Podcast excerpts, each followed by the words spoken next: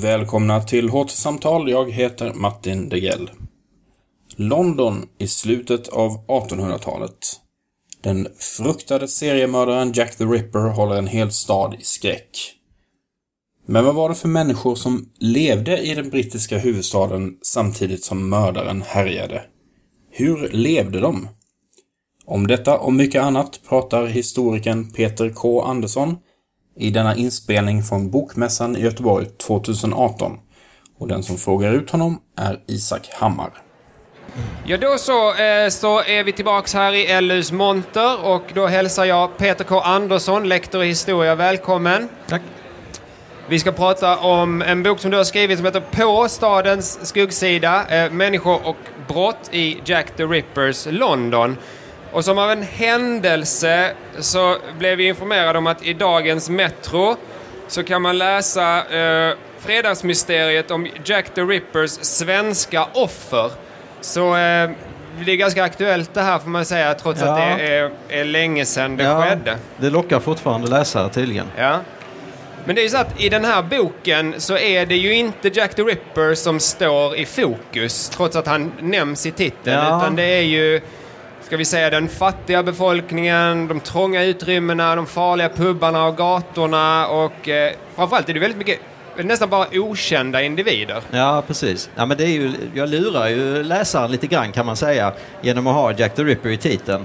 Um, och visst handlar boken i viss mån om Jack the Ripper-morden och, eh, och så vidare. Um, men egentligen så är det en ursäkt för att liksom gräva sig in i offrens värld. Det, boken utgår liksom från att vi har intresserat oss väldigt mycket för vem var mördaren, Jack the Ripper. Men eh, jag intresserar mig mer för vem var offren och vilken värld levde de i och vilka livsvillkor hade de och så vidare. Och ett av de här offren, det, det finns, spekuleras ju väldigt mycket hur många offer som eh, Ja, han var, så att säga, Jack the Rippers. Men det brukar ju vara fem och ett av dem är Annie Ja. Chapman. Du använder också en, en, en ganska speciell situation för, för, Ja. som väg in i boken. kan du berätta lite om den? Jag använder henne som ingång. Eh, Annie Chapman då som var en av eh, offren för Jack the Ripper. Eh, och jag börjar med en situation när hon, eh, hon hade lånat ut sin tvål till eh, en annan prostituerad kvinna som bodde på samma härberge som hon själv. Um, och hon försökte få tillbaka den här tvålen men lyckades inte och det blev ett väldigt, väldigt slagsmål mellan de här två kvinnorna och ett bråk som pågick i flera dagar. Och det här hände bara några timmar innan hon då skulle falla offer för Jack the Ripper. Um, och visar på något sätt um, hur det här som hon är känd för idag, att hon blev offer för Jack the Ripper, hade ingen som helst betydelse för henne själv naturligtvis. Utan det var andra saker som, som hade, spelade en viktig roll i hennes liv. Sånt som att ha en tvål liksom, eller att ha eh, någonstans att sova för natten och, och så vidare. Så det blir som någon sorts ingång till eh, livsvillkoren och mentaliteten hos de fattiga eh, i London vid den här tiden. Istället för att man liksom då fokuserar på eh, morden och vem det nu kan ha varit som begick dem och så vidare. Du och jag är ju faktiskt gamla doktorandkollegor och Ja. du har ju alltid, under hela den perioden som, som jag har känt dig, så har du alltid haft en väldigt skarp blick för det här till synes triviala, kanske vi ska säga. Det som andra uppfattar som trivialt. Men Mm. Ja. vad, är, vad är det du liksom, hur använder du dig av de här? Nej men det är väl, eh, jag, jag vet inte, jag har någon, någon störning kanske som gör att jag, jag fastnar väldigt mycket för små detaljer liksom och eh, enskilda livsöden och sådär i, i det förflutna framförallt. Och på något sätt så är det väl att, att de här olika detaljerna och småsakerna kan utgöra ledtrådar till någonting större liksom. Um, och det, är- det är väl ganska talande egentligen vad olika eh, förehavanden, olika föremål, um, vardagslivet generellt och sådär, vad det säger om oss och eh, vår tid och sådär liksom. Så det är väl, det är väl lite så man kan, eh, man kan beskriva det. Jag förstår. Du, vi fortsätter då med din forskning. Så ju, i, även under ditt avhandlingsarbete så var ju staden en väldigt central... Ja. Alltså det var ju nästan som att du använde det triviala för att låsa upp eh, en större förståelse av staden. Och Ja. även i den här boken så är ju staden nästan som en karaktär. Alltså det... Ja, kan du berätta precis. vad du tänker här? Ja, nej men jag har alltid int- intresserat mig för stadsliv. Eh, framförallt då modernt stadsliv eh, eftersom det är liksom i modern tid som eh, storstadslivet verkligen spelar en viktig historisk roll. Liksom. Ehm, och det är väl mer en, en, kanske från början en läggning hos mig och sådär liksom. Intresset för hur människor beter sig, hur de interagerar när de lever eh, ganska nära varandra och sådär. Eh, förmågan att observera människor på nära håll och sådär, vilket stadslivet också ger. Um, Sen har jag på senare tid också gått över lite mer till, till landsbygdskultur mm, och sådär också.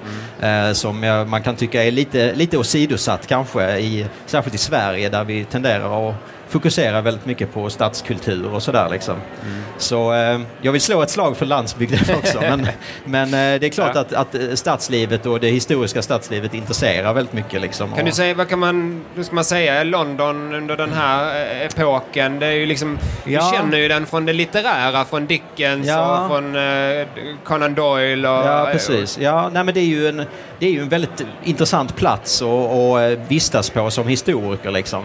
För det är ju liksom huvudstaden i, i hela världen egentligen. Det är världens största stad vid slutet av 1800-talet. Och den är liksom huvudstad i det brittiska imperiet och sådär naturligtvis. Så det kommer väldigt många olika folk, eh, folk från olika delar av världen till London och så vidare. Um, och samtidigt så finns det en sån mångfald och, och en sån fattigdom och sådär i, i London vid den här tiden som är ganska liksom undanskymd från det här liksom globala imperialistiska som, som man också läser om liksom vid den här tiden. Mm. Så det är liksom en väldig dubbelhet i London vid den tiden som är intressant att, att fördjupa sig i kan mm. man säga. Men prata lite om ditt upplägg då. Alltså, eh, det är en rad besynnerliga men ofta helt vardagliga fall som du ja. beskriver i, i, i, då, i, bokens olika kapitel. Ja. Så Nej, Jack the Ripper berörs egentligen bara i först inledning och avslutning ja. och däremellan så är det då de här besynnerliga fallen. ja, precis. Eller mer eller mindre besynnerliga kan man säga. Det är ju, det är ju dels ganska så ska man säga, vanliga eller, eller eh, ofta förekommande typer av händelser som eh, eh, män som misshandlar sin hustru, eh, alkoholism, eh, gängbildningar och gängbråk och sånt. Men sen så är det också en del eh, ganska egendomliga historier som, ehm, som man då kan hitta i eh, rättsprotokoll och sådär från den här tiden. Ehm, om man ska ta något exempel så kan man ju ta det här som särskilt väl illustrerar just det här med villkoren för att leva väldigt nära in på varandra i London vid den här tiden. Som handlar om en ehm, en utlänning då, som vi kan kalla honom, vi vet inte riktigt var han kom ifrån, men han flyttade in tillsammans med sin familj i ett hyreshus eh, mitt i centrala London och genast så börjar grannarna bli misstänkta och misstänksamma och eh, undrar liksom vad är det här för en? Och de hör konstiga ljud och de hör konstiga smällar från, eh, från hans lägenhet och mer och mer så börjar misstankarna byggas upp om att det här är en terrorist som har flyttat in i vårt hus. Um, och var kommer han ifrån? Kommer han från Tyskland? Kommer han från Frankrike? Belgien? Vi vet inte riktigt. Anarkism är väldigt mycket på modet vid den här tiden. Så det, olika spekulationer börjar. Polisen tillkallas um, och börjar fråga ut den här mannen och så vidare. Um, om man läser boken så får man veta hur, hur, hur det ligger till. men det är, det är liksom den här typen av, eh, av incidenter då som händer när människor trängs på en sån här liten yta. Liksom. Vi får ju också röra oss i massa olika delar av London så det blir ju också ja. en, eh, intressant geografiskt. Man är nere i de här sjökvarteren i Limehouse och där ja, är det precis. då en, en viss typ av opiumhålorna och, och, och, kineser och sådär. Ja, precis. Och sen även eh, lite grann om tjänstefolk i de finare delarna av London mm. Eh, och så vidare.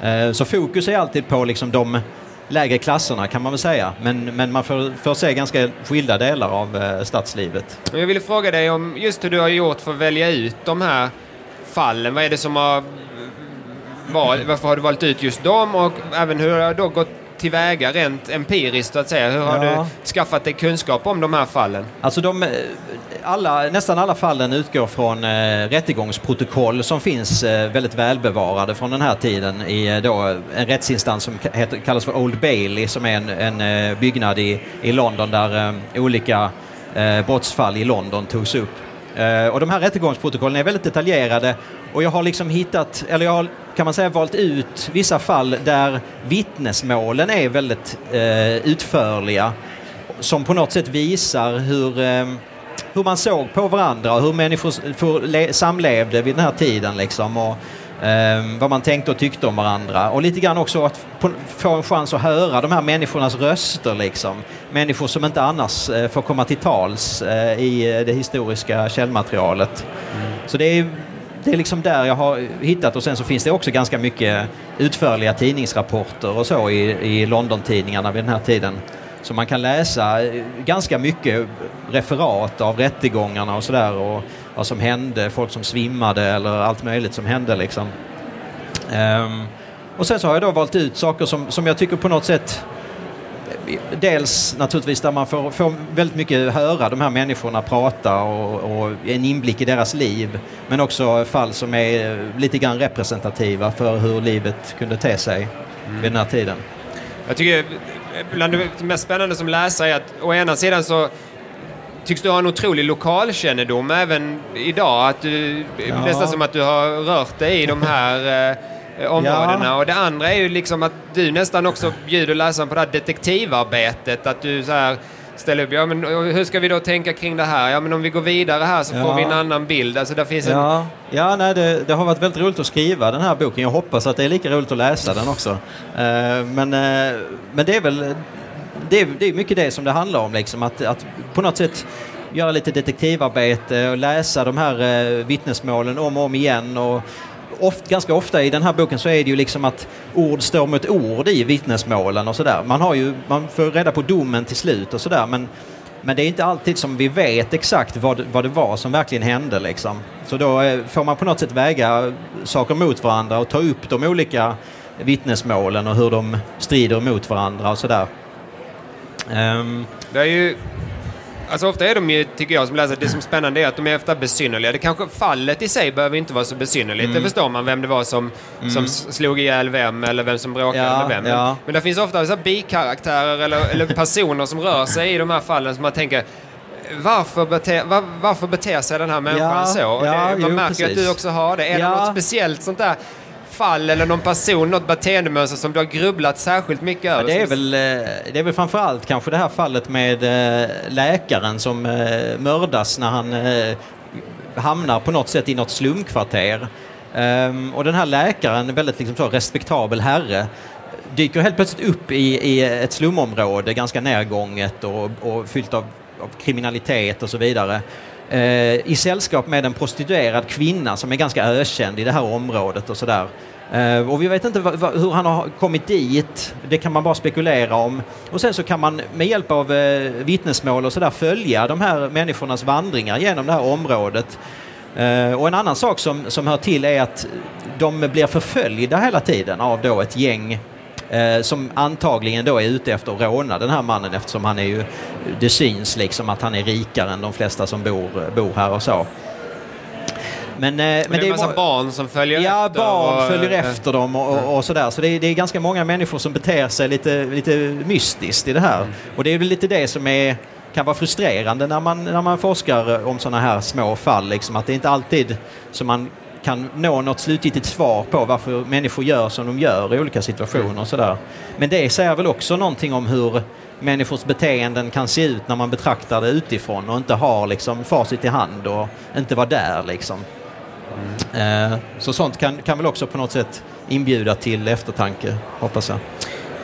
Tre teman som jag tycker man kan se i alla de här, eller eh, mönster, är ju Alltså dels är våldet eh, ligger ju ofta väldigt nära. Antingen så bryter det ut och, och någon dör eller blir misshandlad mm. eller så, så ligger det liksom väldigt nära mm. ytan på något sätt. Och, och sen en annan aspekt av det är ju det här med boendeförhållanden som du har intresserat dig för mm. tidigare i din forskning. Hur man bodde trångbott och eh, hur man, vilka faciliteter man delade och mm. man, man hyrde mm. in sig, inackorderades. Ja. Och, och, och sen till slut också det här med, med eh, grupptillhörigheter. Att man, ja. det finns någon slags eh, lokala identiteter som, som kan liksom där det kan gå en gräns med en gata eller en korsning ja, till synes. Ja. Och all, våldet ligger på något sätt genom de här ja, andra två jo. också slagen hänger i luften ja. Eh, hela tiden. Liksom. Men det är ju på något sätt eh, en fråga om eh, Ja, men man, man, tänker ju sig ofta stadsliv som, som ganska sådär, folk blir väldigt isolerade från varandra, folk blir väldigt ensamma i städer och så vidare.